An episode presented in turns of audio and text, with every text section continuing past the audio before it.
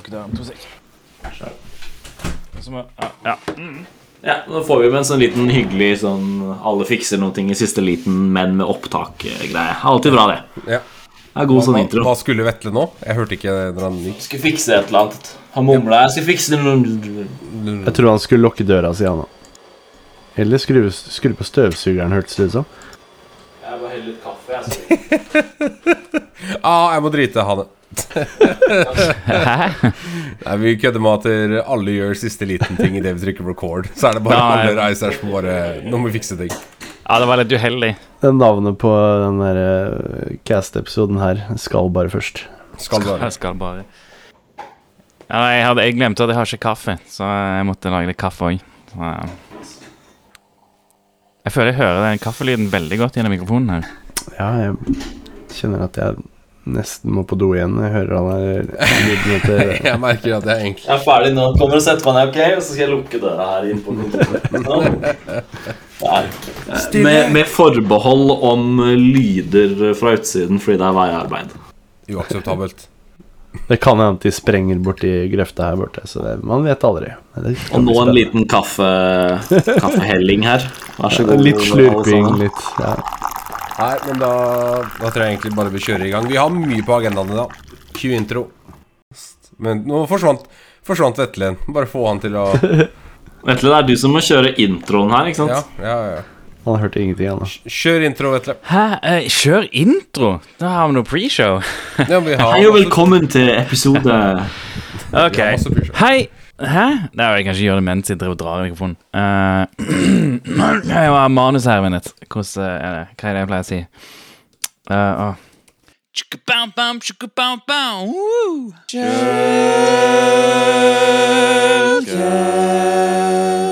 og velkommen til episode 0x35 av Shellcast. Jeg heter Vetle, jeg jobber som pentester, og du finner meg på Twitter som atbordplate. Hei, jeg heter Eirik, jobber som pentester og redteamer, og du finner meg på Twitter som 0xsv1. Jeg heter René, jeg jobber med sikkerhet i staten, og du finner meg på Twitter som at Particle Void. Jeg heter Melvin. Jeg jobber med pentesting og redteaming, og du finner meg på Twitter som at Flangvik. Ja, så jeg sa i, for, jeg sa i den ISF-episoden at det var 0x35, men, men jeg angra. Jeg ville ikke at det skulle være offisiell episode, nummerepisode. Sant? Så dette, Oh, dette, dette er 0x35. Mm. Det var 0x1SF. Uh. Hei, jeg liker. Så eh, ja, vi har fortsatt merch. Eh, du finner det på merch.kvert.no. Og, og eh, i- er Kjøp noe, for faen. Ja, jeg tror altså en kaffekopp Så det er én person utenom oss i Shell som har kjøpt kaffekopp. Som Hvorfor syns er veldig dette? gøy. Det er 123 personer som har kjøpt kaffekopper. Det er kun 66 kaffekopper igjen! Kjøp kaffekopper før de forsvinner. Vet du hvorfor folk ikke kjøper kaffekopper, eh, Melvin? De klarer det ikke. De, bare, de, de klarer det ikke. De går inn på vet- nettsiden, og så bare klarer de ikke å navigere. De, bare, de, de skjønner ikke nettsiden. sant? De får det ikke experience-problem. Skjønner. De er for dumme. Det er nettopp det. av eh, Ja. Oi, oi, oi. Elektron eller Java, eller? Nei, altså, hvem vet? De bare, de, eh, de bare åpner nettsiden, og så får de det ikke til. De bare, de klarer det ikke. Så Skal dog sies at shout-out til Og nå Ja. husker ikke jeg navnet, men om noen husker navnet Ja, Mel Jeg tror det var Jeg har lyst til å si Bjørn André. Kan det stemme? Bjørn André? Yes, visst Ok, du vet uansett hvem du er, fordi vi satt i lobbyen på Hotell Victoria, Clarion Victoria, eller hva det het, i Lillehammer, og så kom det noen bort til oss og sa at vi hadde en fin podcast og likte det vi holdt på med, og påpekte da at du hadde kjøpt eh, kopp og merch. Så jeg er altså favorittpersonen til Vetle i hele verden, og tusen takk for det. Vil du bli favorittperson kanskje to, og skal vi pushe til kanskje tre, så kjøp merch. ja, det var Bjørn Vidar, for så vidt. Close enough, Melvin. Det var ikke så gærent, da. Det, var ikke sånn. det er mye bedre enn det jeg vanligvis klarer, så jeg er veldig fornøyd med å ha Bjørn inni der i det hele tatt. Så ja, det, det er merch. Eh, hvis du klarer å løse merch-CTF-en eh, ved å gå inn på merch.covert.no og betale penger, så får du eh, Oi, oi, oi. Så får du en kopp. får, får du Det er T-skjorter òg, for så vidt. Eh, er det det som er problemet? At vi aldri har sagt hva merch det er? Vi må bare sånn, 'Dere er merch! Og så har jeg ikke sagt noen hva Dere er T-skjorter, dere er kopper og genser. Tror jeg. Kan problemet være at merchen som per i dag ligger ute, er feilprinta. Men, men det er helt feil. Det er Nei. helt feil Det er limited edition. Det er førstegenerasjons Ja, okay. er vi, vi kjører fortsatt den limited edition. Ja, ja. Så, så fun fact da Hvis du hører på podkasten nå, så skal du vite det at den merchen Den Shellcast-merchen som ligger på uh, merch.covert.no nå, det er altså, helt limited edition. Hvis du ser nærme på logoen, så ser du at der Shelly, altså Shellcast eller Shell-logoen, mangler en munn. Og det er da limited edition. Hvis du får en sånn, så vet vi at du er Altså Vi blir mainstream-populære da, når vi har liksom flere hundre tusen lyttere, og vi ser folk i disse originale skjortene og koppene, så vet vi at vet du hva? Du er der fra starten. Du er OG, bro. Så ta så Day kjøp one. nå. Day one, bro. Så bare gå OG, mye bro her nå. Men Eller girl. Oh, oh, OG girl. Ikke sant? Så bare gå inn, kjøp deg kopp, kjøp deg T-skjorte nå før eh, vi run out av limited edition. Jeg syns det er morsomt å høre det. Det er så, ganske lenge siden jeg har vært med på podkasten nå, men at vi fortsatt driver og erter lytterne våre med å mobbe de at de ikke klarer å kjøpe merch. Det er godt at det er noen ting som aldri endrer seg, syns jeg. Har du klart å kjøpe merch? Nei. Nei, ikke sant. Hvor Ikke jeg heller, forresten. Jo, jeg har koppen her. Jeg er også en av de personene som har kjøpt kopp. Jeg har det her. Men jeg skal si at jeg har tenkt på det. Jeg har bare aldri klart å trykke meg gjennom nettsiden for å kjøpe koppen. Ja, det er liksom det. Vi får se om noen beviser hvor enkelt det er, hvor vanskelig det er. Prøver live jeg nå, mens vi fortsetter. Vi beveger oss uansett videre fra merge og til en måned som er rett rundt hjørnet. Måneden oktober. Også sen- kjent da som na Wow, norsk! Nasjonal Vi beveger oss videre eh, da en måned fram i tid, til oktober, som også viser seg å være en nasjonal sikkerhetsmåned i Norge. Eh, både jeg og Eirik deltar da på eh, en, en NSIS? Norsis? Nei, NSIS? Norsis, ja. Norsis sin såkalte da foredragsdugnad. Dugnad. Ingen norsk er vanskelig. Og jeg vet ikke, Har du lyst til å dra gjennom presentasjonene du har meldt på, Eirik? Ja, det kan jeg jo gjøre. Eh, Det er da, som Melvin sa, Norsk senter for informasjonssikring sin foredragsdugnad eh, i henhold til sikkerhetsmåneden oktober. Eh, Jeg stiller med to foredrag som respektivt heter Operasjonssikkerhet for penetrasjonstestere og Red Teams. Her tilbyr jeg da å komme rundt eller ta en remote gjennomgang av ja, en lengre, eller den lengre og intended versjonen av foredraget jeg holdt på, på Sikkerhetsfestivalen. Her da en time med tekniske demoer og litt mer eh, dypdykk eh, i, i, i oppsøk. I tillegg så har jeg også da ute avanserte phishing-teknikker for å simulere moderne trusselaktører. Det er et foredrag som går for seg Nei, ta, går for seg. Norsk er vanskelig igjen her i dag. Men som tar for seg hva F gjør du når ikke makroer fungerer, og um, ja, fish, altså phishing med moderne teknikker. eh, fra social media, um, PAS-tjenester, SAS-tjenester, LinkedIn osv. osv. Uh, dekker bl.a. Uh, Melvin sitt uh, Team Filtration-verktøy og lignende type teknikker. eh, sånn som man ser ja, trusselaktører fishe i dag. Uten å nødvendigvis være helt avhengig av makroer hele tiden. Jeg stiller også på, opp på dugnaden med to påmeldte foredrag som heter 'Målrettet sosial manipulering et angripers perspektiv' og 'Taktisk misbruk av skytjenester'. Eh, Sistnevnte går igjennom eh, tjenester, eh, både ukjente og kjente tjenester levert av de store skytjenesteleverandørene, som jeg benytter under mine målrettede angrep på Red Team-oppdrag. Eh, og så da det første foredraget, målrettet sosial manipulering, er litt mer sånn eh, Jeg skal ikke kalle det skremselspropaganda, men er ment for å være litt mer sånn allmenn, allmenn forståelse. Eh, hvordan jeg går frem når jeg eh, utfører på Red Team-oppdrag, hvordan jeg bruker sosial manipulasjon eller social engineering til å eh, bryte, altså få da initial access til bedrifter. Og liksom sånn litt sånn Å, så mye informasjon ligger ute. Dette burde du tenke på. Dette skjer faktisk i virkeligheten. Litt sånn bryter opp disse naive eh, kanskje tankene vi har i Norge da om liksom hva aktører faktisk gjør.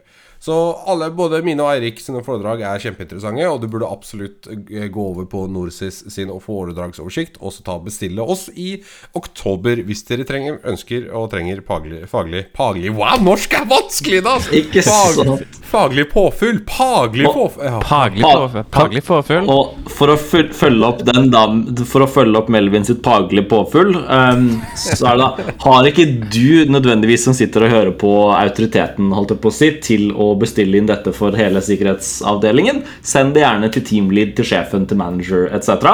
Eh, Foredragene er gratis, og vi kommer Nei, Jeg det er ikke sant. Jo da, vi Nei, kommer du- til det, skjønner du. Jo du betaler jo for uh... Vi kommer til det, men som, som Apro, abs, absolutt Vetle vil ha inn her nå, da, så krever Norsis et administrasjonsgebyr på 1500 kroner. Men selve foredraget er gratis, og vi kommer ut til dere, eller holder det remote. På egen regning. Det er på en måte da denne dugnads, eh, dugnadstingen her, da. Men ja, ønsker man foredrag og ikke har nødvendigvis lov eller autoriteten til å bestille det selv, så send det gjerne videre. Og det er teknisk sett gratis, bare 1500 kroner administrasjonsgebyr som går til Norskis. Stjerne. Hilsen Vetle. Og så skal jeg stjerne, stjerne legge til at dere, eh, hvis dere vil at vi skal reise fysisk, så må dere også dekke reise og losj- losji. Det må man. Losji, det står også. det, det, skal, det skal meg og Martin òg melde oss på, for så vidt. Men så er det verdt å si at uh, ja, Norsis uh, Ja, dette Man betaler jo for det. Og det er jo absolutt uh, Vi er ikke knytta til Norsis på noen annen måte enn bare å ha lagt inn foredrag der.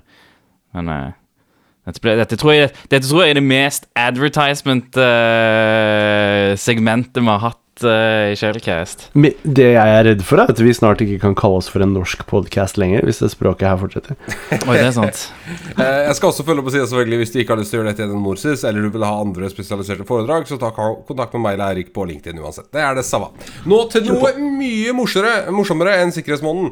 Det er da Det har seg da sånn at i november, fra 4. november til 5. november, så skal selveste Equinor hoste en CTF. Og det er jo da Vi snakker jo om de legendariske EPT-gutta som uh, vant uh, CTF-konkurransen på Defcon i Las Vegas for uh, Red Team Village. og det er altså ingen small feat. Og altså kudos og creds. Det er lenge siden jeg var inne i CTF-verden selv, og jeg vet det krever en veldig spesiell mindset når du er inne i det, og det krever ekstremt mye tid og energi for å bli såpass dreven på det at du kan konkurrere effektivt. Og det er altså det er uber-creds. Eh, og grunnen til at vi tar dette opp, er jo ikke bare fordi vi ønsker å reklamere for at dere burde delta på CTF-en til Equinor, som holdes da på Rebel i Oslo 4. til 5. november. Begynner klokken 6 4. november, og så avsluttes det klokken 6 før det da blir sosial mingling 5. november.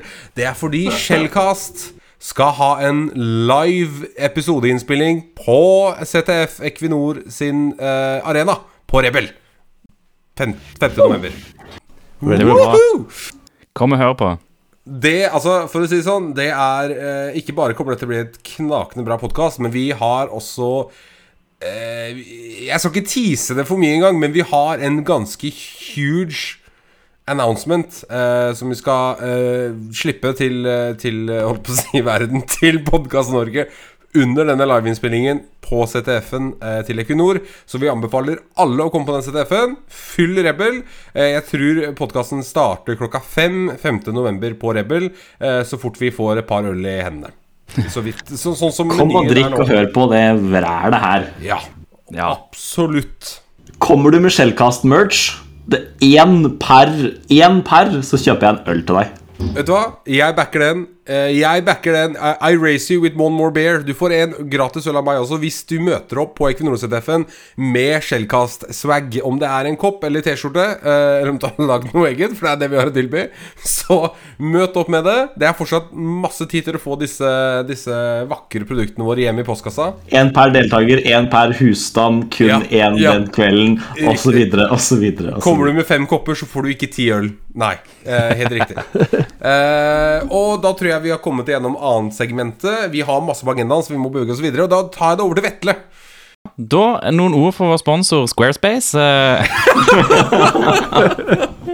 Imagine, bro. Nei, OK.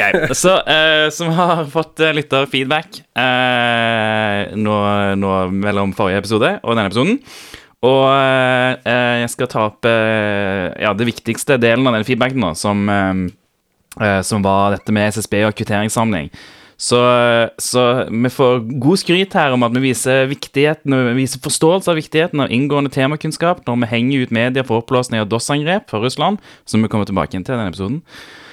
Uh, og Men så mener han at uh, vi burde være flinkere til å finne uh, kilder til dette SSB-kvitteringsgreiene enn VG.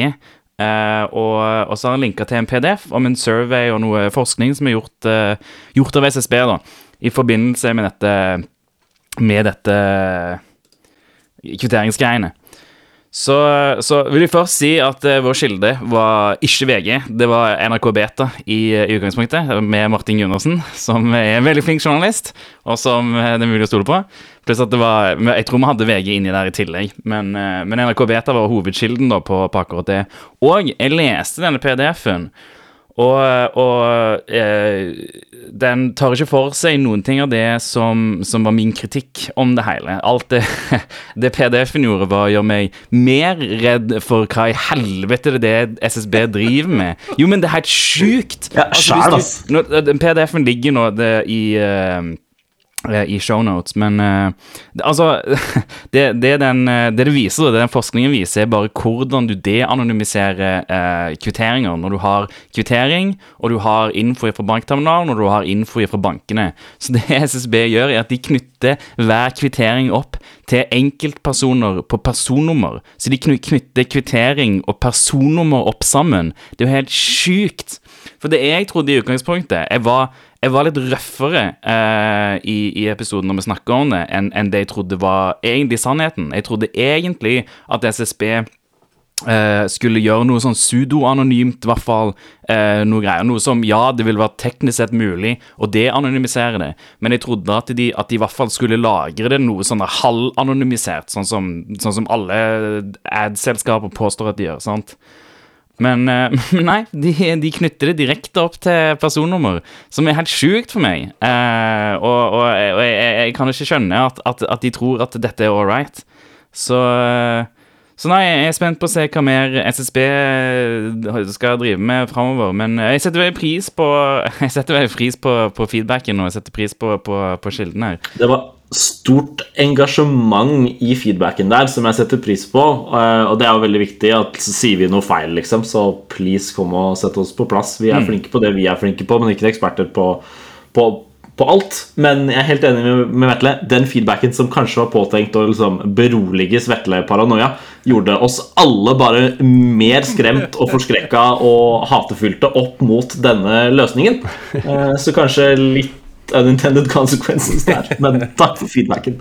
Men er vi egentlig overraska? Jeg tenker så Hvis vi ser på andre ting som har skjedd i media i forhold til eh, rettighetene som skal bli tildelt E-tjenesten etc., er vi overraska over at vi er på vei inn i et sånt samfunn hvor vi kontinuerlig vil bli overvåket, og at noen vil sitte på data som peker oss i alle retninger. Altså, jeg vet at jeg har hatt litt sånn kommentarer rundt dette her med kredittkort, og at ja, vi har vært tracka i- hele siden de oppfant eh, kredittkortene og sånn, men er vi overraska over at noen ønsker å sentralisere alle disse dataene en eller annen plass?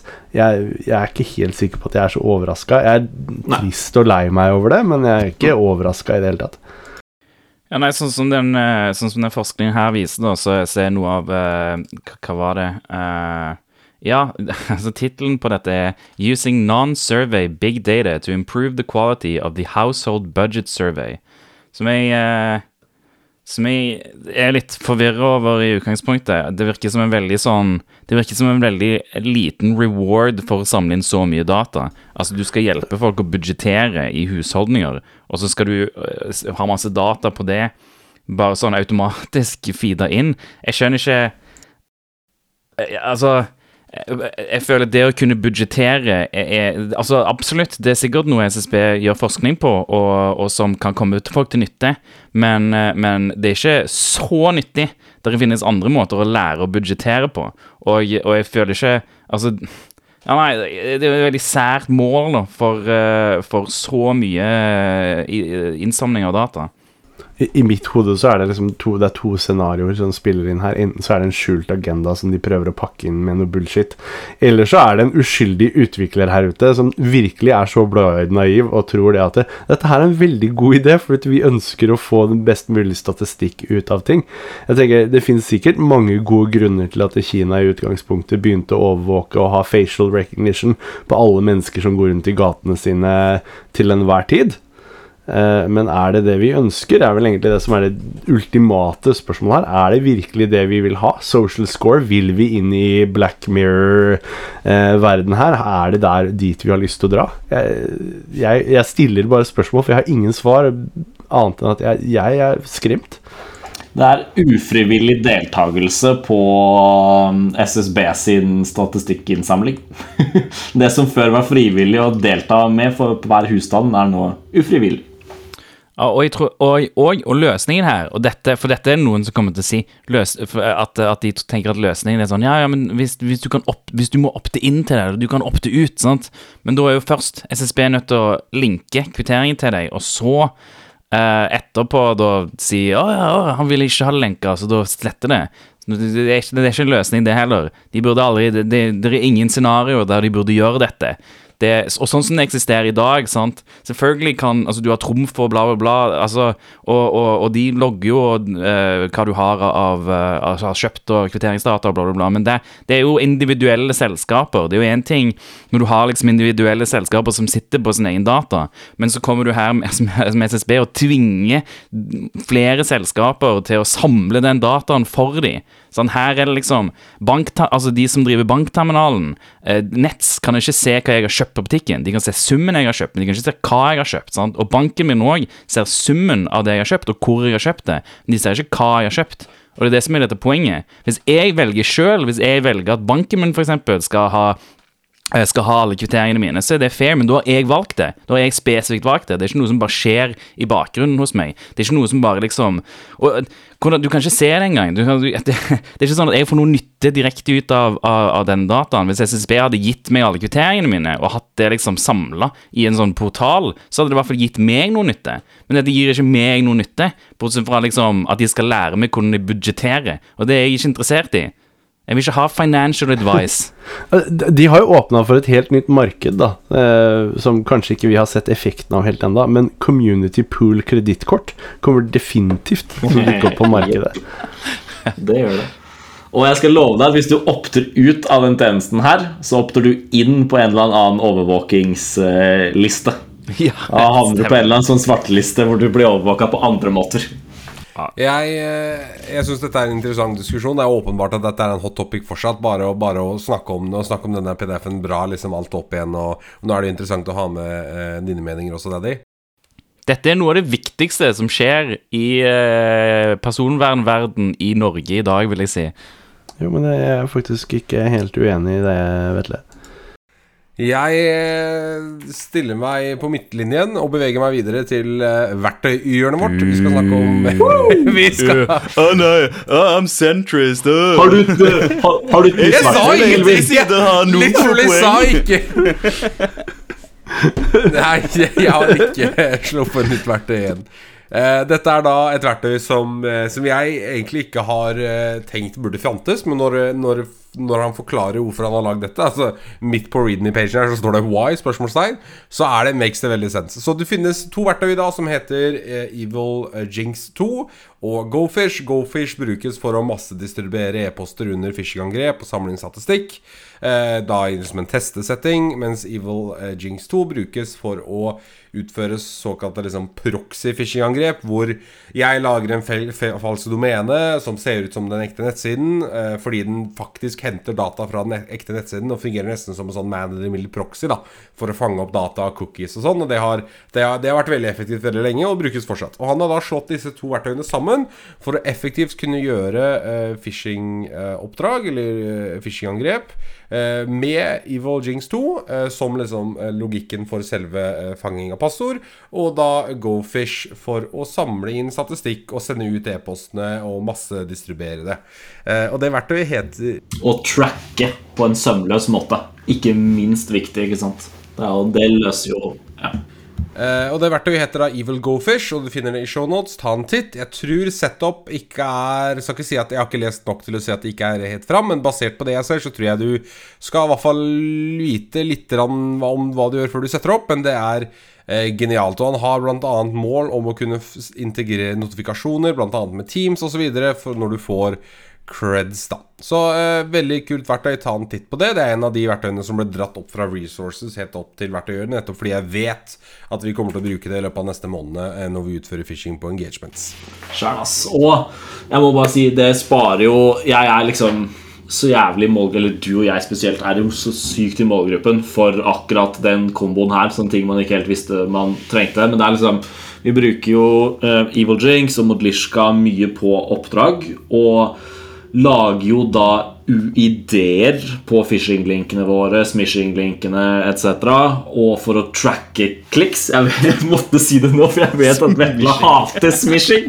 Altså ordet smishing. Eh, men we, we diverge. Det var phishing på SMS! I know. Det betyr- Det er så, det er så gøy. å si smishing rundt dette. Mener du, mener du smishing? Ja, s- smishing, vet du, selvfølgelig. Men ja, man har jo opp til nå uh, måttet bruke et jævla Excel-ark ikke sant, ved siden av det her for å tracke hvem som har trykka på hva, etc. Og bare det å nå få alt sømløst integrert sammen, og du kan enkelt se at Ola og Kari trykka her, når de trykka, osv., osv. Jeg har jo dissa Gofish ganske mye, eller Gofish, fordi det er liksom en sånn GRC-fishing-type greie. Cool det, men det er ikke alltid veldig relevant i våre type engagements. Statistikken og pie charts og hvor mange som trykka etc. Vi skal ha creds. Her kan du få det samtidig også, og det er fin rapportmat. ikke sant? Det er ofte ikke vi bryr oss om det, men det ser veldig bra ut i, rapport, i rapporter. Man kan kunne si at ja, vi prøvde å fishe 100 brukere, og 16 av de gikk på her, og statistikken og pie charten og bla, bla, bla. Det er veldig nice. Og også god tracking. Sparer masse tid.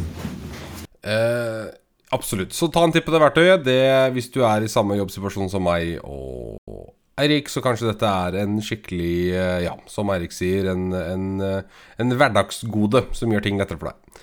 Vi beveger oss over til War Stories. Jeg tenker Vetle eh, Vi har et tettpakka program i dag, forresten. Vi har masse vi skal gjennom.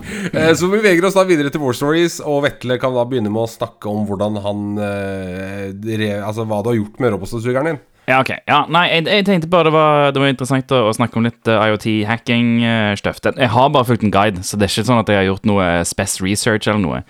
Men eh, jeg har en robotstøvsuger, en uh, Robrock Pure S... Nei, S6 Pure heter den, tror jeg.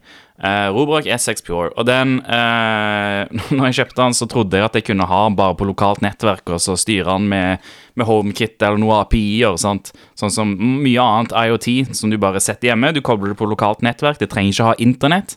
Alt trenger å være koblet på lokalt nettverk. Denne Robrock-støvsugeren var ikke så fan av det. Den, den var veldig eh, sett på å sende data til Kina. Så når jeg kobla den på IoT-nettverket mitt, så, så sa han ah, det gikk ikke! Ah! Fordi at han klarte ikke å koble seg på internett. sant? Eh, så jeg har hatt den en god stund, og så har jeg tenkt sånn jeg må jeg må cracke den og installere noe Eller jailbreake den og installere noe custom firmware på den. Eh, og så har jeg bare utsatt det dritlenge, fordi at det, det er sånn man gjør. Og så har jeg bare brukt den ved å trykke på på-knappen. Så jeg har gjort det i sånn et år. Jeg og bare trykt på på-knappen når jeg skal ha den til å kjøre. Um, så i, ja, her om dagen, da, i foregår eller noe sånt, så tenkte jeg ja, ok, nå skal jeg eh, faktisk eh, gjøre dette. Så jeg begynte å skru den opp, og så begynte jeg å se på guiden etterpå. Så viser det seg at dette er en lang prosess. da. Eh, det var ikke bare å skru opp litt og så koble til en USB-port. Det var, Her må du demontere hele driten. Så, eh, så Men jeg har allerede begynt, så da var det bare å, å fortsette. Det tok meg åtte timer eller noe sånt eh, til sammen. For eh, vi måtte liksom demontere hele driten, og så måtte jeg lodde på to kabler på den UART eh, JTAG-porten. sant? Og det tok, det tok jævlig lang tid, men det var veldig gøy. da Så når jeg, når jeg, fikk, når jeg fikk da endelig liksom kobla opp alt på, og lodda på disse kablene og satt sammen hele støvsugeren, så kobla jeg til UART og fikk liksom eh, Altså, I utgangspunktet, når, når, når han logger seg på, eller når han starter, så får du Du får liksom ikke skjell. Du får den log-on-greiene. Og han kjører Ubuntu. Han kjører Ubuntu. Det er den IoT-device som kjører Ubuntu. Som er veldig sært. Hva var det du sa han kjørte? Han kjørte Ubuntu. Ubuntu. Er det sånn smishing, eller? Eh, er sært å kjøre hel liksom, Ubuntu på, eh, på, på en IoT-enhet. Jeg, altså, du skulle- eh, jeg vet at de har en IoT-versjon. Jeg vet ikke om det er den de kjører. Det er sikkert det. Men uansett. Eks eksentrisk at den kjører Ubuntu. Jeg har sett mange andre Linux-distribusjoner, men jeg har aldri fortsatt til gode å se Ubuntu i en IoT-device. Men det betyr at du egentlig kan modde den her ganske greit. Altså det kan jo være Ja, du kan jo spinne opp hotspots på den, du kan koble til ekstra duppeditter hvis du har noe Ja, ja, ja. eh, Ja, ja, det kan man. Men ok, men jeg, var- jeg, var, ikke, jeg var ikke helt inne allerede. Sånn at Jeg fikk den Ubuntu logon-prompten, så, var- så sto det liksom Roborock logon, eller Rock Robo login, som jeg tror jeg, tror jeg bruker navnet, eller whatever. Eller nei, det er host-navnet på maskinen, selvfølgelig. Eh, men så, så jeg fulgt en guide, så den var sånn ah, Du bare holder inne S mens, mens du starter den. Fordi at da kommer du Da, da, da eh, starter du den eh, Eller da i bootloaderen, da, U-boot, som er bootloaderen, så, så stopper han og booter videre, og så gir han deg en sånn rescue-shell, sant. Så, så fra det rescue-skjellet så, så kunne du bytte eh, det som er init-prosessen til, til Linux. Så type eh, i Linux så kan du jo Init-prosessen til, til Linux er som regel eller login-skjellet eller whatever. Eh, du ser det i password-filen blant annet, så kan du se hva som er logon-type skjell og sånne ting. Så, så det, det er liksom den første prosessen som kjører da når du, når du starter. Jeg er ikke helt sikker på detaljene, men, men jeg endrer den til bare å være shell. Og, så, og da har du liksom et shell. Da er du inne på greien, og da har du et root shell. Så, så fra der da, så, så flasha, flasha nytt firmware eh, basert på noe, noe greier og, og, og sånt. Uh, så så det, var, det var en lang prosess, det var irriterende. Men uh, nå har jeg Nå kan jeg SSH til robotstøvsugeren. Jeg kan ja, Den har et eget HTTP-API som ikke er beskytta i det hele tatt. Så hvis du er på nettverk her, så kan du gjøre hva du vil med robotstøvsugeren. Um, men, eh, men jeg kan endelig sette schedules og sånt, da, nå kobler han seg faktisk på eh, lokalt nettverk uten å måtte være på internett. Det er veldig digg. Det er det. Jeg tror det store spørsmålet som alle sitter og hører på nå, eh, stiller seg, er suger den bedre etter at du byttet firmware, eller suger den mindre? Jeg tror han suger likt, faktisk. Den suger mindre, sånn i uh, eh, i, i, ikke, I smishing-sammenheng, fysisk eh, Jesus. Jeg tror vi begynner å nærme oss navnet smishing på denne episoden her, gitt. Eh, jeg syns det der er ekstremt kult å, å vite at det går an å gjøre hardware-hacking-type ting. Uh, quote on quote bare med å følge en guide. At du ikke må liksom At du ikke hvis, for Sånn som jeg kan null om hardware-hacking, aldri gjort det. Jeg vet hva den JTAG-pluggen er for noe. Jeg vet liksom at du kan Vet noe. eh, men aldri gjort det før, så er det veldig kult at jeg vet at jeg kan liksom dra fra den roborocken min, og så kan jeg prøve å få til det å komme inn og kult. At det, at det fins liksom en sånn entry level-greie du kan starte da hvis du har lyst til å begynne å gjøre hardware-hacking. At du ikke må betale mange mange tusen kroner for custom, custom for å gjøre mye Det kult. viktigste du må lære deg, er å lodde. Du må ikke lodde. Nei, ikke alltid heller, men liksom Det er typ det vanskeligste der. Ja, En av feilene jeg gjorde, var at jeg, jeg lodde på de kablene, og så satte jeg sammen hele greiene igjen eh, til liksom Og så begynte jeg å koble på, i stedet for Fordi at jeg, jeg, jeg, jeg tenkte at, at den ikke ville bute eller et eller annet hvis den ikke så alle sensorene og sånt. Det er noen av de som bare De er fucky hvis de ikke har kobling til alle sensorene. Så, og så, så, og så, som man gjør, da, så så jeg ikke gjennom hele guiden før jeg begynte. Jeg bare, jeg bare gjorde ting litt sånn som jeg følte jeg skulle gjøre det, og så når, når ting ikke ga mening, så så jeg i guiden igjen. Men eh, det var, altså, det var, det var greit nok å følge. Det var ikke vanskelig. Det var, det var bare de jævla loddegreiene og sånt suget. Eh, og det å skru opp Kanskje avlodding er det viktigste man må kunne. Eh, ja, det var ikke noe å avlodde, faktisk. Det slapp jeg. Og de kablene er jo bare fortsatt der, sånn at jeg har tilgang til ja, UART-porten mm. hvis noe skal skje. Ja. Men nå kan jeg jo bare koble til USB òg. Den, har en, eh, den har en innebygd ADB-server, men den Mm. ADB-serveren er, er custom, så du må autentisere med noe custom Kina-greier. Mens nå eh, den ble bytt i det firmware da, som, jeg, som jeg bruker, så, så er den ADB-serveren bytta ut med en, eh, med en faktisk fungerende versjon av ADB. da. Så nå er, det bare å koble til USB. og så får man skjelle. Dritkult. Eh, Du burde helt klart linke den guiden i shownotes, så, så vi kan det. se. Det hadde Ja. vært dritkult. Det må jeg gjøre. Det er faktisk, faktisk veldig interessant. Nei, du Hadde du tenkt å hoppe videre, da? Ja. Det hadde vært me megakult. Jeg syns det er litt sånn blown away. Jeg synes det er megakult. Det der fikk jeg lyst til å gjøre, for jeg har også en Roborock-versjon. Det er noen roboter der er lettere å, å, å rute enn andre. Da vet jeg det at når jeg er ferdig med den der døra Jeg driver og, driver og leker litt med en sånn IOT-device til en nabo av meg som har lurt, lurt på hvor For han hadde en utdatert eh, IOT-device. Altså døra hans er utdatert. så, så han lurte på om jeg kunne hjelpe ham med å hacke den, sånn at han kunne sette opp sitt eget system. Så det, jeg kan komme litt tilbake til det på et tidspunkt når jeg er blitt ferdig med den opp oppgaven der. Men jeg fikk meg til å tenke på det når, eh, når eh, Vetle begynte å snakke om den der stakkars røv- eh, støvsugeren sin som han har slakta. Sykt kult å tenke på. Eller sykt kult om du hadde klart å komme i mål med det og kunne hatt, eh, snakke litt om det en eh, fremtidig episode. Da teaser vi det.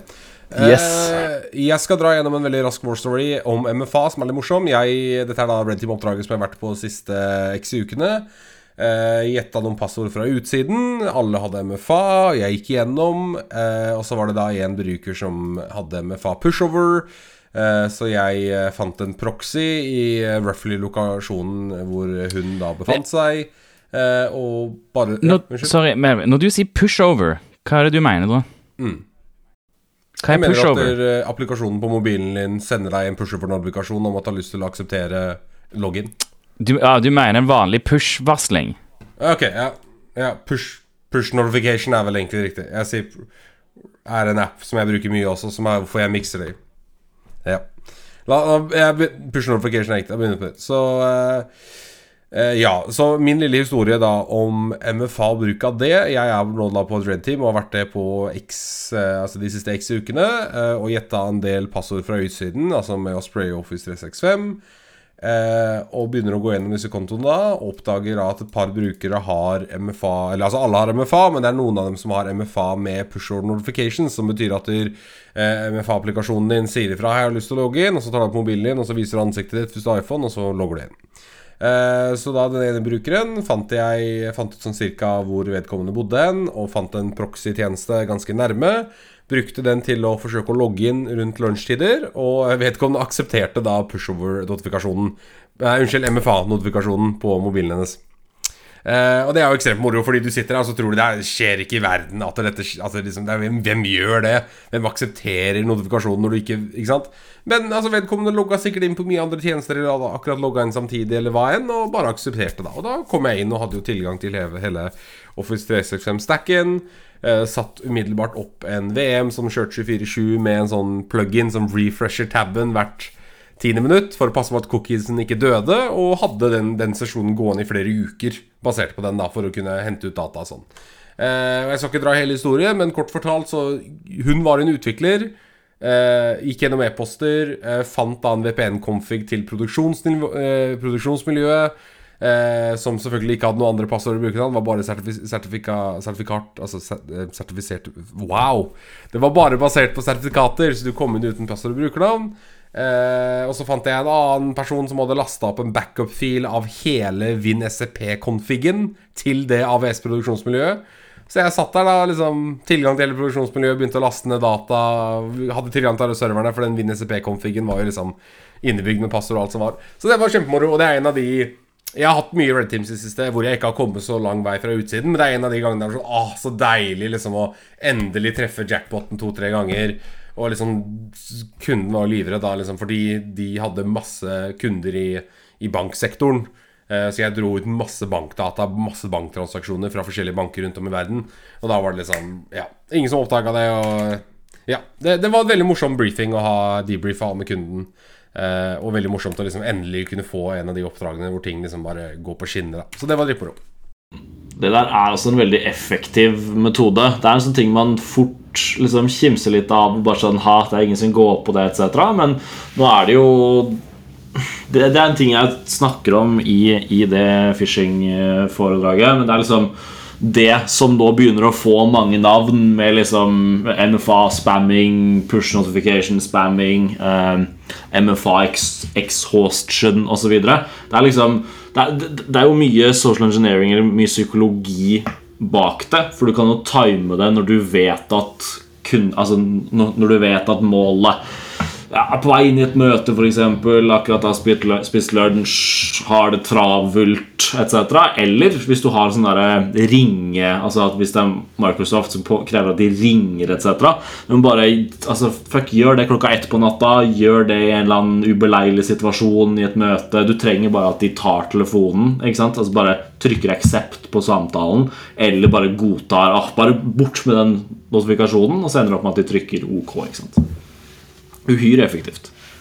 Vanvittig effektivt. eh, Og igjen, du skal ikke kimse av det, altså. Det skjer hele tiden. Uh, ok, det var Warstrongen vi har. Da beveger vi oss endelig over til nyhetssegmentet vårt. Uh, vi begynner da med at EasyPark, som er da denne digitale betalingstjenesten for å stå parkert rundt om i landet, har blitt uh, berørt av et hackerangrep, og at kundedata eh, potensielt er på avveie. Jeg kommer ikke inn på artikkelen, for den har Diggi nokså fint bare hatt en svær betalingsvegg på. Så jeg ser ikke en dritt annet enn tittelen. Du kan trykke på den i eh, Submissions-kanalen på Discord. Der skal den ligge eh, låst opp. Jeg fjerna keyen fra Ja, riktig. dokumentet. Ja, det er kanskje greit at du gjør. Konge. Nå kan jeg se. Takk. Jo, bare hyggelig. Jeg vet ikke om det er noen som har lest seg opp på den saken som har lyst til å kicke off. Jeg. Jeg skjønner det er så interessant. Det, de har blitt hacka. Det skjer, liksom. De, eh, de, det er ikke så mye mer informasjon, ser det ut som. De har oppdaga uautorisert aktivitet. Jeg kan jo si det at jeg er jo eh, aktiv bruker av den appen. Og det frustrerer meg litt det at jeg ikke har fått noe som helst henvendelser fra dem om, eh, om dette her.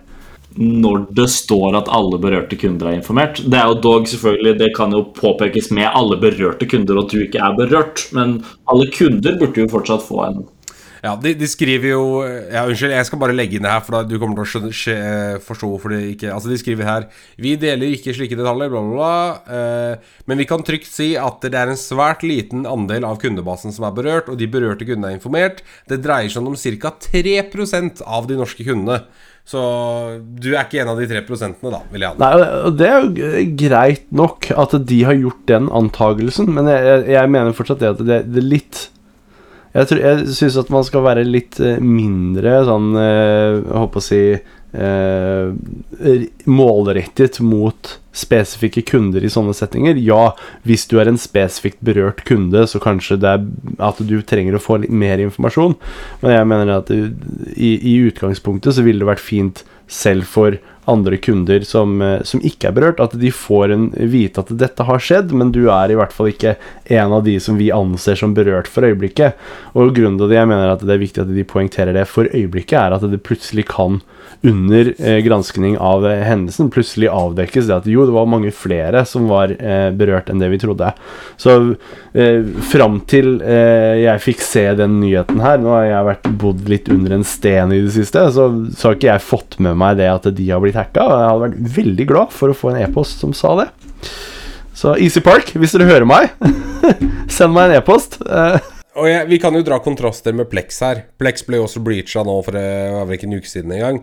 Og de sendte jo umiddelbart ut uh, meldinger til alle. Og? De er veldig åpne og kjent for å være liksom veldig sånn community tilnærma. Så jeg er helt enig. Eh, jeg kunne ønske at disse selskapene ikke tenkte nødvendigvis Ikke førsteprioriterte sin egen liksom, markedsverdi og potensielt liksom, public hit, og bare gikk ut og sa Vi har blitt breached. Kan være at data er på avveie. Bytt passord for sikkerhets skyld. Eh, og så kommer mer informasjon fortløpende når vi kan komme ut med det. Jeg er helt enig. Nå fornærmer du alle økonomer, eh, Melvin. Oi, beklager. Ja, ja, de, er, det er et selskap. Først og fremst skal de ha penger. Hva er det du har et selskap for hvis de ikke skal tjene penger? Kanskje jeg kommer her og sier at markedsverdien ikke kan bety noe. Altså, det er, det er, altså, selv om det er litt sånn sarkasme, så er det jo helt sant, da. Altså, jeg, på, på en side så skjønner jeg jo at selskapet ikke går ut og gjør det verre for seg selv hvis de ikke må, men ja, en sånn mellomting hadde vel vært, vært fint, da. Vel, hvis, vel, hvis alle hadde vært eh, totalt ærlig om hvordan, eh, hvordan man hadde angrepet, så hadde det også vært veldig vanlig. Da hadde du sett det mye oftere, og så hadde folk vært litt sånn Å, ok, det er greit. Sånn, og så vet man, så har man kontroll over hva, hva er min data som har forsvunnet, og sånne ting. I stedet for skal folk drive og holde ting skjult, og så tror man at uh, hvis et selskap aldri forteller at de blitt hacka, så betyr det at de er kjempesikre og at uh, de holder dataen bra. I stedet for så bare lyger de og sier at de aldri blitt hacka. Det er liksom en av mine sånne eh, kampsaker i, i sånn paradigmeskifte fra å ha en gjeng med eh, folk som ikke har hatt internett noensinne, til å nå ha et par generasjoner som aldri har visst at verden ikke hadde internett før. Eh, så tenker jeg at nå er vi i et sånt skifte hvor vi kanskje skal begynne å snakke litt om, eh, om åpenhet i, i større grad også. I tillegg til ja, at vi alle er på internett. Kanskje vi skal bli litt vant med det at ja, det er en shitstorm av angrep kontinuerlig. Vi må bare venne oss til det. Det er ubehagelig, men gi oss litt info, sånn at vi som bruker i det minste kan eh, gjøre det vi kan for å forhindre at eh, hvis noe har vært på avveie, så, så kan vi i hvert fall føle oss litt tryggere. Den er jeg enig i. Vi beveger oss videre til et selskap som eh, absolutt kanskje burde lært litt om åpenhet og trygghet, da denne påståtte TikTok, eh, TikTok-breachen om at kildekode og database, databaseinformasjon skal være på avveie. Dette begynte vel først da Jeg tror jeg så det først at det var en bruker på Twitter som begynte å legge ut bilder av tilgang til interne repoer osv. Og, så videre, og liksom var helt sjokkert at dette lå ute åpent, og at han fant det eller noe sånt noe. Eh, og så begynte det å komme bilder fra det som så ut som SQL-databasedumper. Eh, så, så, TikTok har uten tvil blitt eh, breach på et eller annet nivå, men har vel verken adressa det eller innrømt det på noe som helst eh, ja, nivå? Eller? Altså, jeg, vet ikke om det stemmer. Altså, Troy Hunt øh, er enig med TikTok at dette ser ikke ut til å være TikTok-data. Det, det, kan hende at det er fra en tredjepart, at, det, at, det er noen som, at det er noen som jobber med TikTok. At det er type øh, modereringstjeneste eller et eller annet sånt. Men, øh, men jeg, altså, jeg ser ikke noen grunn til at TikTok skal lyge om dette. Det er akkurat sånn som øh, TikTok var jo, har, hadde jo òg denne saken med at Uh, appen uh, logger Alle kan logge absolutt alt av key presses du gjør i et webview i appen. Uh, og det er det, det deres liksom injected javascript i webviews gjør, eller har muligheten til å gjøre, da. Den, det, det, har den capabilityen. Og TikTok sa ja, det stemmer at vi injecter den koden, men, men vi bruker ikke capabilityen. Og, og, det er bedre enn en jeg, en jeg, hadde forventa TikTok skulle svare. Jeg hadde at de skulle være sånn Nei, nei, vi, vi logger ikke noe key presses, og vi gjør alt kjempebra. Men de er ærlige. Det virker som de er ærlige nok. De er liksom, de sier ja, vi har den capabilityen, men vi bruker den ikke. Og det kan òg stemme. sant? Det kan du sjekke. Det går jo an å sjekke det i, i kildekoden. Eller i, i, i binaryen, på en måte. Uh, og her òg så tror jeg at det, det stemmer det fra TikTok, at det er ikke deres kildekode, det er ikke deres database som har blitt lekka. Det, men uh, ja, jeg vet ikke. Jeg, jeg lurer på om det er en sånn Kina-greie. At man, man, bare stoler ikke på noen ting som kommer ut fra Kina. Og far be it from me til å, til å nekte for det. Men, men, akkurat i dette tilfellet så tror jeg bare Jeg tror det er ønsketenking at, at det er TikTok som data som har blitt dekka.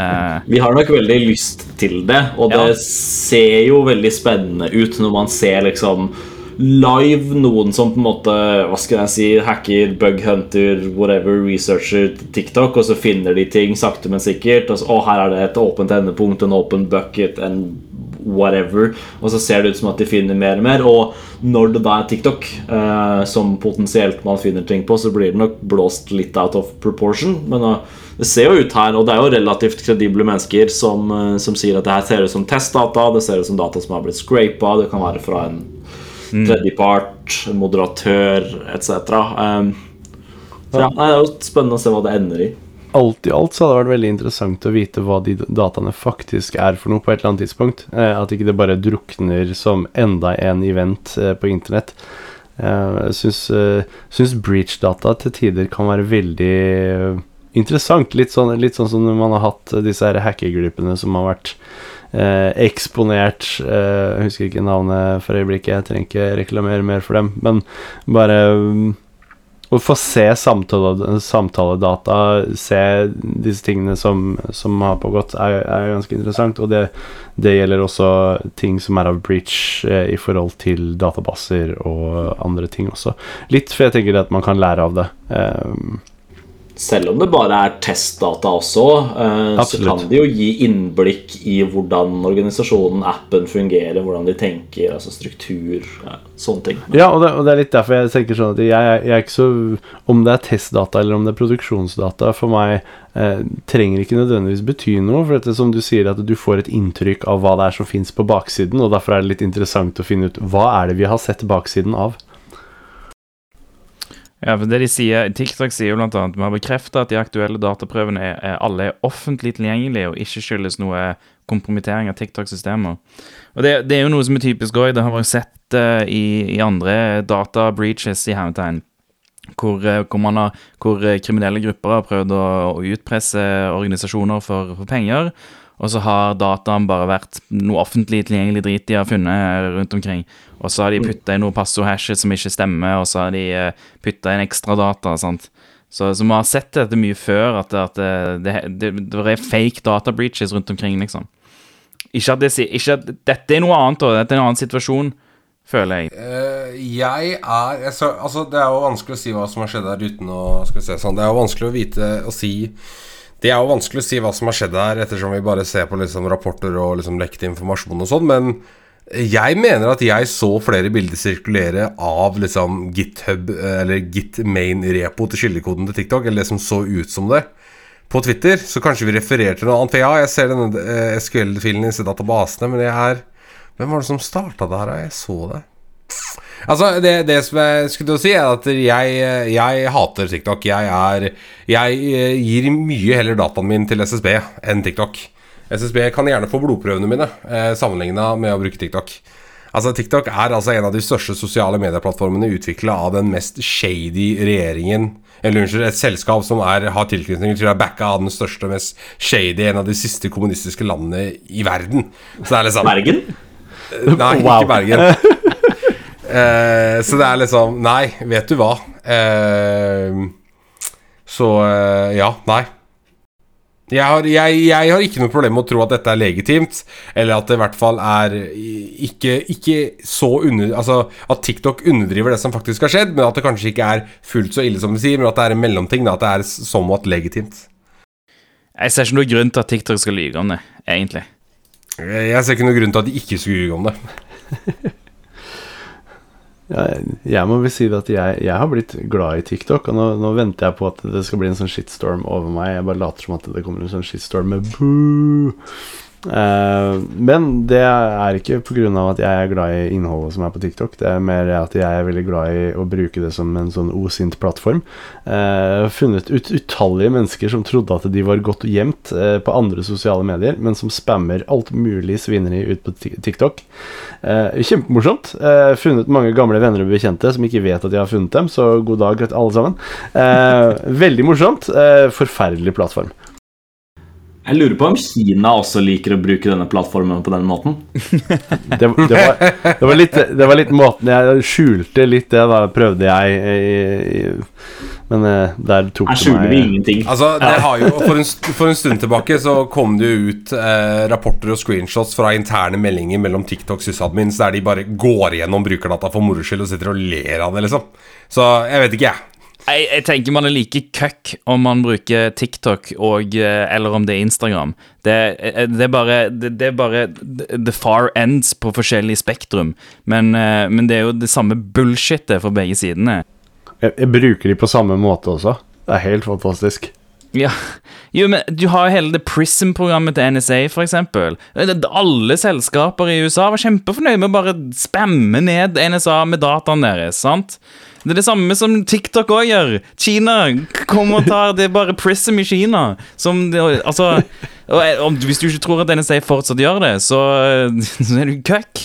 Jo, jeg, jeg er helt enig, men forskjellen er at sånn, sånn, hvis vi tenker sånn eh, vestlig allianse og sånn, da, så vil jeg heller ha eh, onkel Sam i USA som stifter på dataen min, enn en Kina. Hens du flasha akkurat Nei, Jeg vil ikke ha noen av de. De er begge nei. to fuck USA. Se på USA, da. For et fucked land, med tanke på liksom hvordan ting funker. Både, både Kina og USA er fucked, liksom. Og, og jeg vil ikke ha noe av det i min data. Jeg skjønner vi liker ingen av dem, det er greit. Jeg bare sier jeg vil, Hvis jeg skulle velge mellom The Better Evil, så ville jeg heller hatt USA enn Kina. Er det jeg sier. Ja, det er fordi at du er på denne siden av kloden, skulle jeg si. Du er Eh, ja, det er bare derfor også, men Det ja.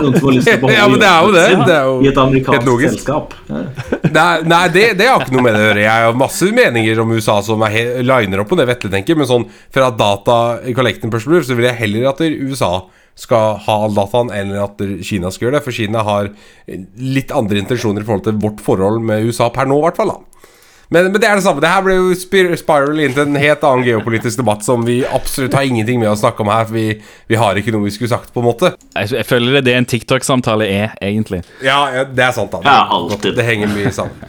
Men uavhengig om TikTok har blitt bridged eller ikke, det er i hvert fall store rapport rapporter om det, og så får vi se etter om tiden som kommer nå, om det faktisk viser seg da at dette er legitim informasjon, og eh, om TikTok bare har pusha tilbake på det fordi de, de svarte som de gjorde. Eh, apropos, om å, apropos snakke om å blåse opp hackerangrep i media.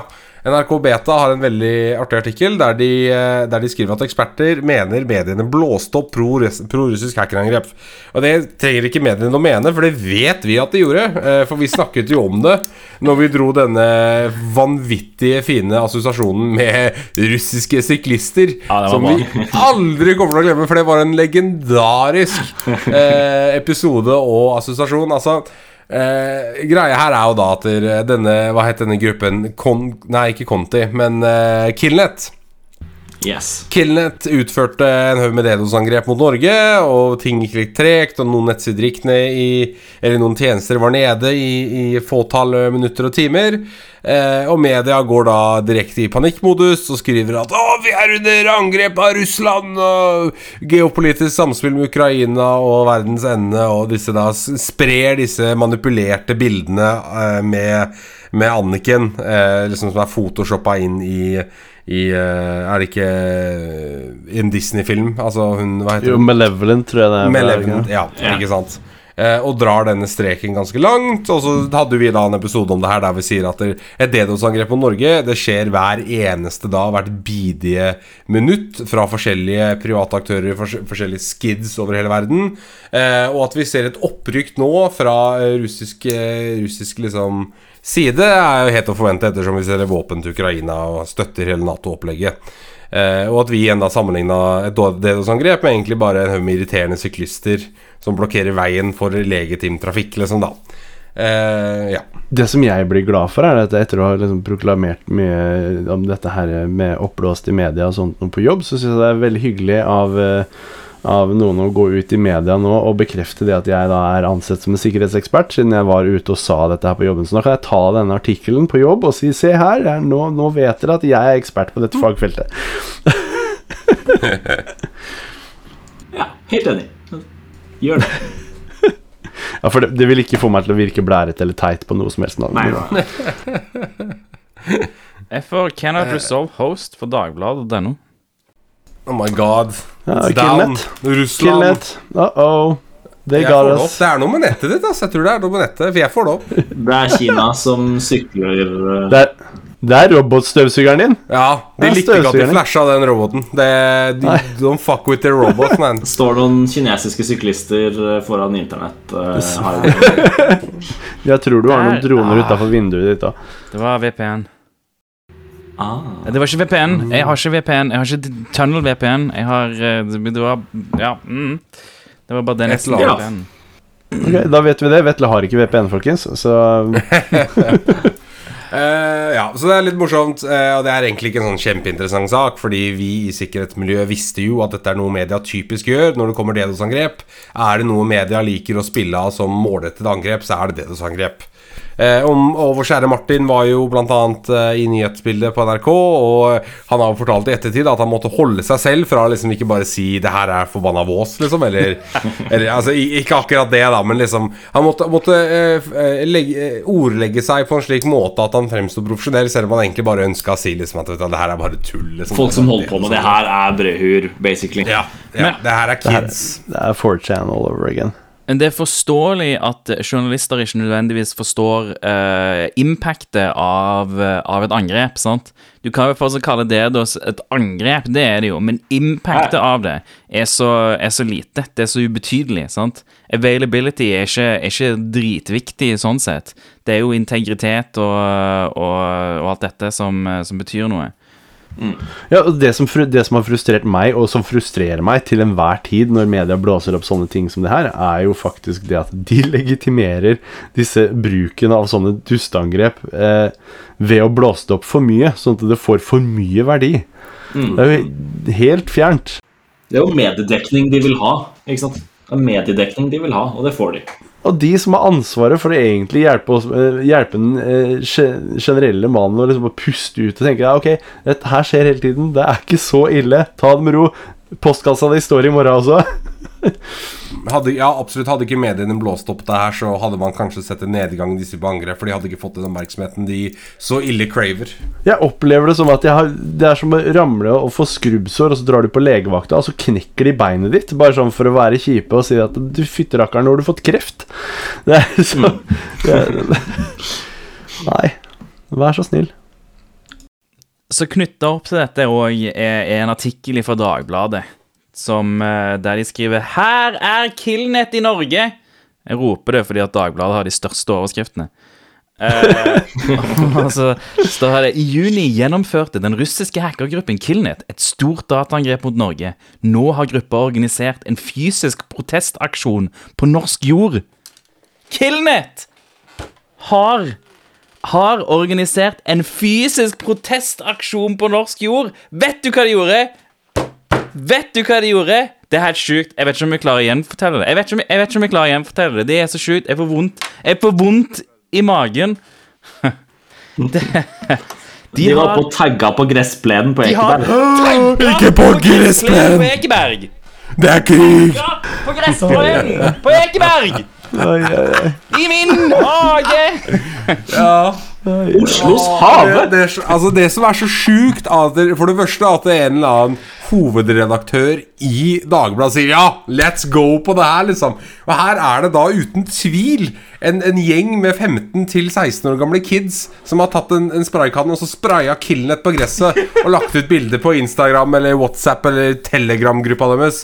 Og så Å, Killnet i Norge! Og for alt vi vet, så er det navnet på CS-gruppa deres som de prøver å promotere. Ellers er det, er, det, er det en sånn kødden Discord-gruppe som dela dem til å gjøre det. Liksom. Ikke sant? Det er jo Hallo, hva, hva er det som legitimiserer dette som Killnet i Norge? Ja, ja, ja. Åh, jeg blir Ja. Da vet jeg i hvert fall at hvis jeg har lyst til å bli kvitt en nabo, så er det bare å spre, ta et klistremerke med Killnet på postkassa hans, og så er det Ja. kjørt. Ja, ja, ja. Nice. Killnet bosatt i Norge. Vi har funnet det hemmelige hovedkvarteret til Killnet i Norge. Ja, en postkasse avslørte dem. Dypt inne i skogen i Fredrikstad. Norsk sleeper cell. Killnet AS. Do it. Do it, somebody. Men så ja, mediene blåser opp eh, hackerangrepet. Absolutt. Absolutt. Om det gjør. Eh, apropos hackerangrep, jeg føler det her er det egentlig det eneste vi har snakka om så langt. Det er det jo. Har du lyst til å ta dette segmentet her, Eirik? Ja, det kan jeg gjøre, for all del. Dette er jo juicy fun. Eh, Vi har en, vi har en nyhetsartikkel her som, som sikkert noen har fått med seg. i hvert fall har ikke fått så mye mediedekning eh, i vår del av Europa. Men også full disclosure going into det her. Orange Cyber Defense har hatt en liten hack eh, den siste uken. Eh, og jeg jobber jo i Orange Star Defense Norway. Eh, viktig å påpeke at det ikke er selskapet som har blitt hacket etc. etc. og ingen berørte kunder. Um, men det er jo artig eh, når man jobber i et sikkerhetsselskap at en del av sikkerhetsselskapet man jobber i, eller et sikkerhetsselskap generelt sett, blir utsatt for et såkalt hackerangrep. Og det som har skjedd, er jo at um, Eller forhistorien er jo da at på, på søndag kveld så var det en, eh, en forumbruker under navnet Mr. Croissant eh, som eh, postet på, um, på Breach Forums, som er tatt over for Raid Forums, for de av dere som ikke er så oppdatert i den, den verdenen, at de hadde fått tak i eh, ja, klientdata til 1584 eh, kunder av Orange Cyber Defense. Eh, og da postet en link til, til Ghostbin med en del eh, kundedata som blir presentert. Dette er også da kontaktinformasjon, e-postnummer etc. Ikke noe data tilhørende kunder, men data om eh, kunder for da den franske mikrosokk-tjenesten som altså Frankrike leverer. Eh, jeg, jeg skrev jo i shownotes her, bare for, å, bare for å kødde litt, at Eirik has the juicy inside scoop. Men eh, det er ikke så veldig mye mer juicy inside scoop å komme med enn at det er den, eh, ja, mikrosokk-tjenesten til Frankrike, som på en eller annen måte har blitt eid. Um, vi har fått vite internt, og det kan jeg jo si, for det har også blitt sagt eksternt, um, at det er en investigation ongoing i hvordan det har skjedd. Uh, så har det også blitt sagt at det er helt, helt contained og kun, kun da Frankrike og den spesifikke tjenesten. Så her, full disclosure igjen, dette er ikke noe offisielt, har ingenting med på en måte selskapet etc., men jeg tror jo at dette kanskje er enten en disgruntled employee som bruker det funny namet Mr. Croissant, det ville vært artig, eh, eller at det er en eller annen sånn webportal eller et eller annet da, hvor noen har eh, fått tilgang eller delt creds eller et eller annet, hvor de har fått ut eh, ja, denne kundedatabasen. Men det er altså kundenavn da, som har kommet ut der. Det kan jo være så enkelt som et en, en i Business Civil Compromise, og at det er en, er en eh, lokalt Deltatabase i et internett eller SharePoint eller ja, et eller annet. Så det, er ikke, det trenger ikke å være major breach, og, og som du sier, jeg syns jo ikke dataen eksponert virker ekstremt sensitiv. Altså eh, Ja. eneste det kan være, er jo det at det her er jo en mikrosokk-tjeneste, og for å forklare den litt rare navngivningen, så er det en ja, det er et inhouse endepunktsikkerhetsløsning som, som de leverer i Frankrike. Um, som en sokk da Altså, du installerer det på en masse endepunkter hos masse bedrifter, og så er det én sokk som akkumulert gransker og følger med på alerts uh, etc.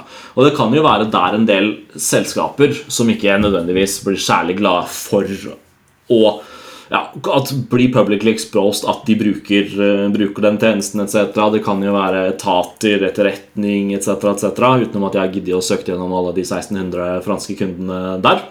For det er ikke så veldig interessant. Eh, Så det selvfølgelig er jo ikke nødvendigvis positivt. Jeg kan se for meg at, Eller det er jo ikke positivt i det hele tatt. Jeg kan se for meg mange franske kunder der blir litt sånn eh, That's not cool. Um, men ja, det er jo Det er jo liksom Det er jo en kjip case for, for et så stort selskap, spesielt i det franske markedet. Men det er også igjen viktig da å gjøre det man selv preacher og sier, og ja, ikke ha, alle, ikke ha all frukten i den samme kurven, og at alle de forskjellige landene og tjenestene og sånn er liksom segmentert ut. Så er det jo ingenting som Ingenting som tilsier at det har skjedd noe mer, da. Som det er positivt.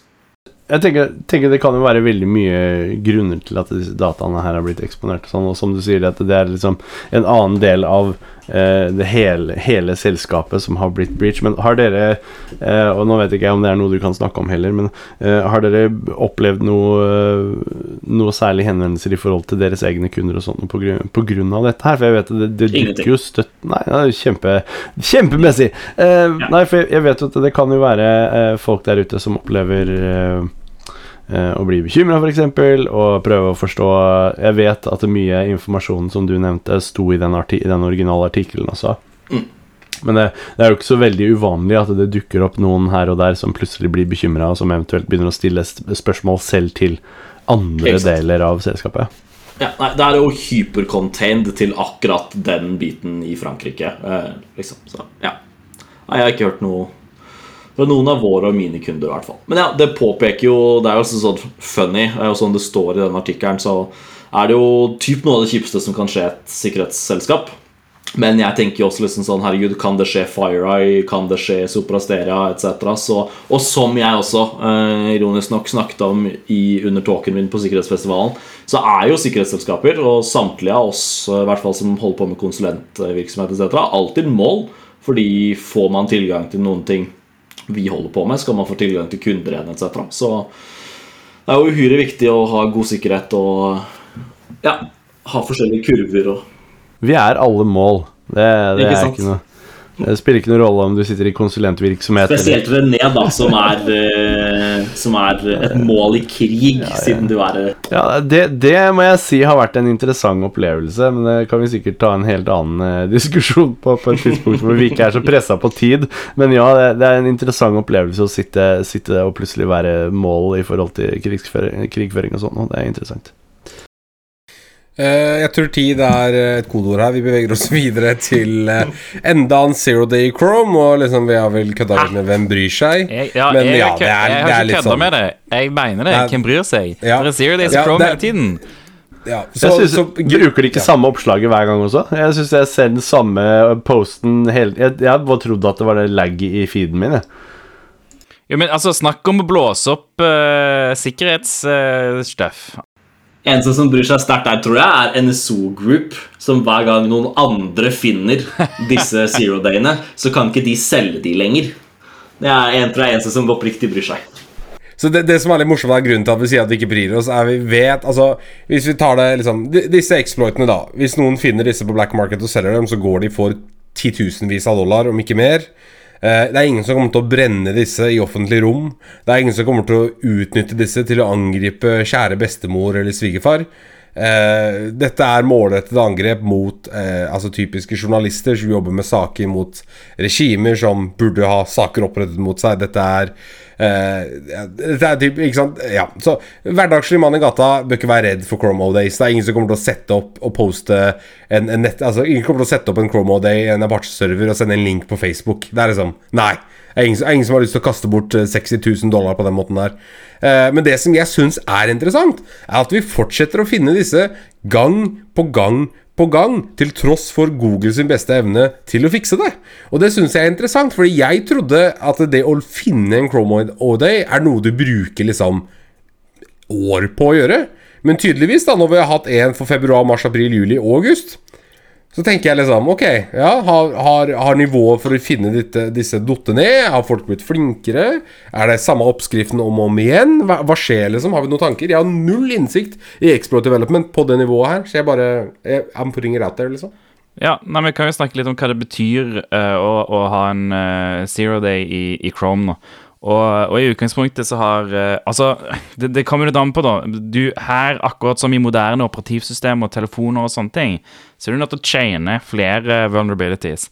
Sånn eh, prosessen er sandboxa, og, og ting er litt eh, Altså, det det du kan ikke bare finne én sårbarhet, og så, og så sier de ferdig med, med det. Det er ikke nok. Så du, her må du chaine det. Eh, og gjerne finne flere sårbarheter. Og det er veldig kompleks. Altså, Browser i dag er basically operativsystemer. Det, det er sikkert det mest eh, kompliserte programvaren du har på, på maskinen din, bortsett fra selve OS-et. Så, så browsere, det er vanskelig, men selvfølgelig folk blir bedre og bedre. Det er en god frack-artikkel om eh, om, om det å, å finne sårbarhet i WebKit fra Cielo, som jeg skal linke i shownotes. Den er kjempebra. Der, der går jeg gjennom de tekniske detaljene og hvordan alt det funker. Eh, det er en javascript-sårbarheter som, som han går gjennom. Og det eh, og, og ja, sårbarheter i, i Chrome er som, som Melvin også sier, det, du, du brenner det ikke på, på bare vanlige folk, skulle du si. Det, det brukes mot veldig spesifikke targets. Og oss som pentestere så betyr ikke en zero day i Chrome noen ting. Vi kan aldri bruke en, eh, en Chrome zero day til noe nyttig, fordi at uh, auto-updatingen til, til Chrome er kjempebra. Den auto-oppdaterer auto auto hele tiden. Og, og, og det, det er ikke noe vits for oss å prøve en, en Chrome Zero Days. Det er komplisert å sette opp, og, og så for oss så betyr det ingenting. Sant? Chrome Zero, det, det er bare noe som, noe som skjer i bakgrunnen, som fikses. Um, Men så er det jo en multimillion, mil, multimillion dollar-industri in the backend, ikke sant, med en NSO og Husker jeg ikke hva det it italienske selskapet heter, etc. Altså de som bokstavelig talt lever av å selge, kjøpe og selge disse på, på black market og til uh, authoritarian states osv. De gutta bryr seg jo dritmye, fordi det er jo snakk om uh, inntjening til et helt liv, holdt jeg på å si, for, for en av de. Men liksom, som, som, som Vetle sier, det er helt menings, meaningless for alle andre enn de som lager og selger nation state-nivå uh, ja, verktøy. Men jeg tenker liksom, bare for å kommentere litt på det som eh, Melvin eh, spurte om tidligere, liksom sånn, eh, dette her med, med hyppigheten av hvor fort de kommer ut. Jeg tenker at det har en ganske grei sammenheng med eh, våre muligheter for eh, containerization, automatisering av tester og bedre verktøy for å bygge Altså bedre automatiserte fusser enn hva vi har hatt tidligere. Muligheten til å på en måte automatisere tester og sånt og i mye større grad enn det vi har hatt tidligere. Eh, fordi at den generelle personen har mer datakraft å leke med, og hvis du har litt grann kunnskap om eh, hvordan du bygger en fuzzer, eller liksom hva du ser etter, hvis du har en litt sånn, så er det lettere for deg å på en måte tune verktøyene dine inn på automatisk plukke opp ting og gjøre kjøre testscenarioer, da. Så jeg tenker det at hvis du, hvis du har erfaring med, med exploit development, og du har litt eh, DevOps-erfaring og sånt, og så tror jeg du eh, Og nå sier jeg det litt sånn overfladisk, så trivielt har muligheten til å mye enklere finne disse enn det du har hatt tidligere. Uh, og når man sitter i et sånt utviklingsmiljø, og det er jo flere av oss som er kjent med i- som sitter her, så er det ikke alltid at du har tid til å kjøre alle de testene du burde kjøre. Eller du kanskje ikke engang vet at du burde ha kjørt visse tester. Så, så jeg tror at det har mye med saken å gjøre, og hvorfor vi ser disse her eh, nulldagsårbarheten pumpes ut eh, raskere enn tidligere. Også det at de da kanskje har noen som spesifikt har bestemt seg for å ta ett mål, da. Uten tvil. Så jeg tror, jeg, ja, jeg tror vi egentlig eh, ja, Jeg tror vi er ganske enige generelt om hva, hva liksom O-Days i Chrome har å si for oss, og det er null i vår, vår bransje. Eh, Men eh, ja, mange som, eh, mange som finner to O-Days og tar året fri, for å si det sånn.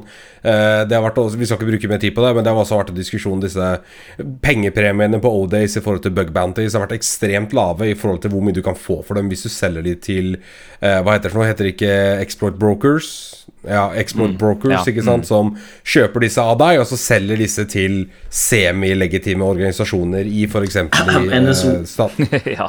Eller, altså det jeg vet jo, det er mye amerikanske tree leather agencies som kjøper disse exploits og sånn. Så det er, det er whatever. It is what it is. Vi beveger oss ut av nyheter og Ja, inn i Shell Resources. jeg vil bare nevne først at uh, Zerodium gir uh, 500 000 dollar for uh, Chrome Remote Code Execution pluss uh, LP. Så det er en chain eh, Ikke sant. Så du kan ta deg fri eh, du kan, Hvis du finner en exploit, da bruker du et år på å finne en sånn exploit, så kan du ta deg ferie i et par år etterpå, for å si sånn, og leve ganske godt. Eh, jeg lurer på hvordan det fungerer skattemessig i Norge. Men det er også en helt annen diskusjon for en helt annen episode. Vi beveger oss videre til Vi beveger oss til Shell Resources. Og der mistenker jeg at du, Vetle, kommer til å være personen jeg har lyst til å spørre om hva det er for noe. Jeg tenker du er Kubernetes-mannen i, i Shell. Ovasp launcha en eh, Ovasp har jo den topp ti uh, sårbarheter for bl.a. web og for mobil, og her har de òg launcha en topp ti sårbarheter for Kubernetes. Det er bare mye misconfig. Det er liksom Vel, Kubernetes er jo bare config, så, så det er de topp ti sårbarhetene i Ovasp, eh, nei, Kubernetes. Hvis du er interessert i det, så ligger de i shownotes. 1. Eh, ikke glemt merch-storen vår. Ikke glem merch-storen vår på merch.kvart.no. Igjen, eh, ZTF-en til Equinor fem- 4.-15. november. Ser vi deg med Shellcast merch, så får du en gratis øl av meg og en gratis øl av Eirik. Eller sider, hvis du heller vil ha det. Uh, jeg føler du må ta den outroen med Norsec, for det kan ikke jeg ta, Vetle. Det, jeg har sagt for mye allerede i episoden her. Ja, da, jeg føler du har tatt hele den eh, show uh, uh, Hva heter det for noe? Jeg husker ikke hva det heter. Whatever. Uh, Norsec en discord med en haug med eh, norske profesjonelle sikkerhetsfolk. eh, Folk som jobber med sikkerhet, studenter og sånne ting. Det er åpent for alle som er interessert i, i sikkerhet. Så, så join Norsec. eh, til det finner du i, dis, i eh, shownotes. og når du har joina, så gå til Shellcast Podcast-kanalen og si hei. Hvis du vil sende inn lytterspørsmål eller forslag til nyhetssaker vi kan diskutere, gå til informasjonskanalen, trykk på mikrofonikonet, så får du tilgang til å skrive Shellcast Submissions. Og der kan du eh, skrive spørsmål og, og sende inn saker du vil at vi skal diskutere. Hva som helst. Det er det submissions. Submissions til oss. Så, så join der, snakk med oss, si hei og sånt. Og ja. Og nå er også e-posten vår tilbake. Ja, stemmer det. Uh, ja, vi har en e-post. Podcast at 53ll.sh.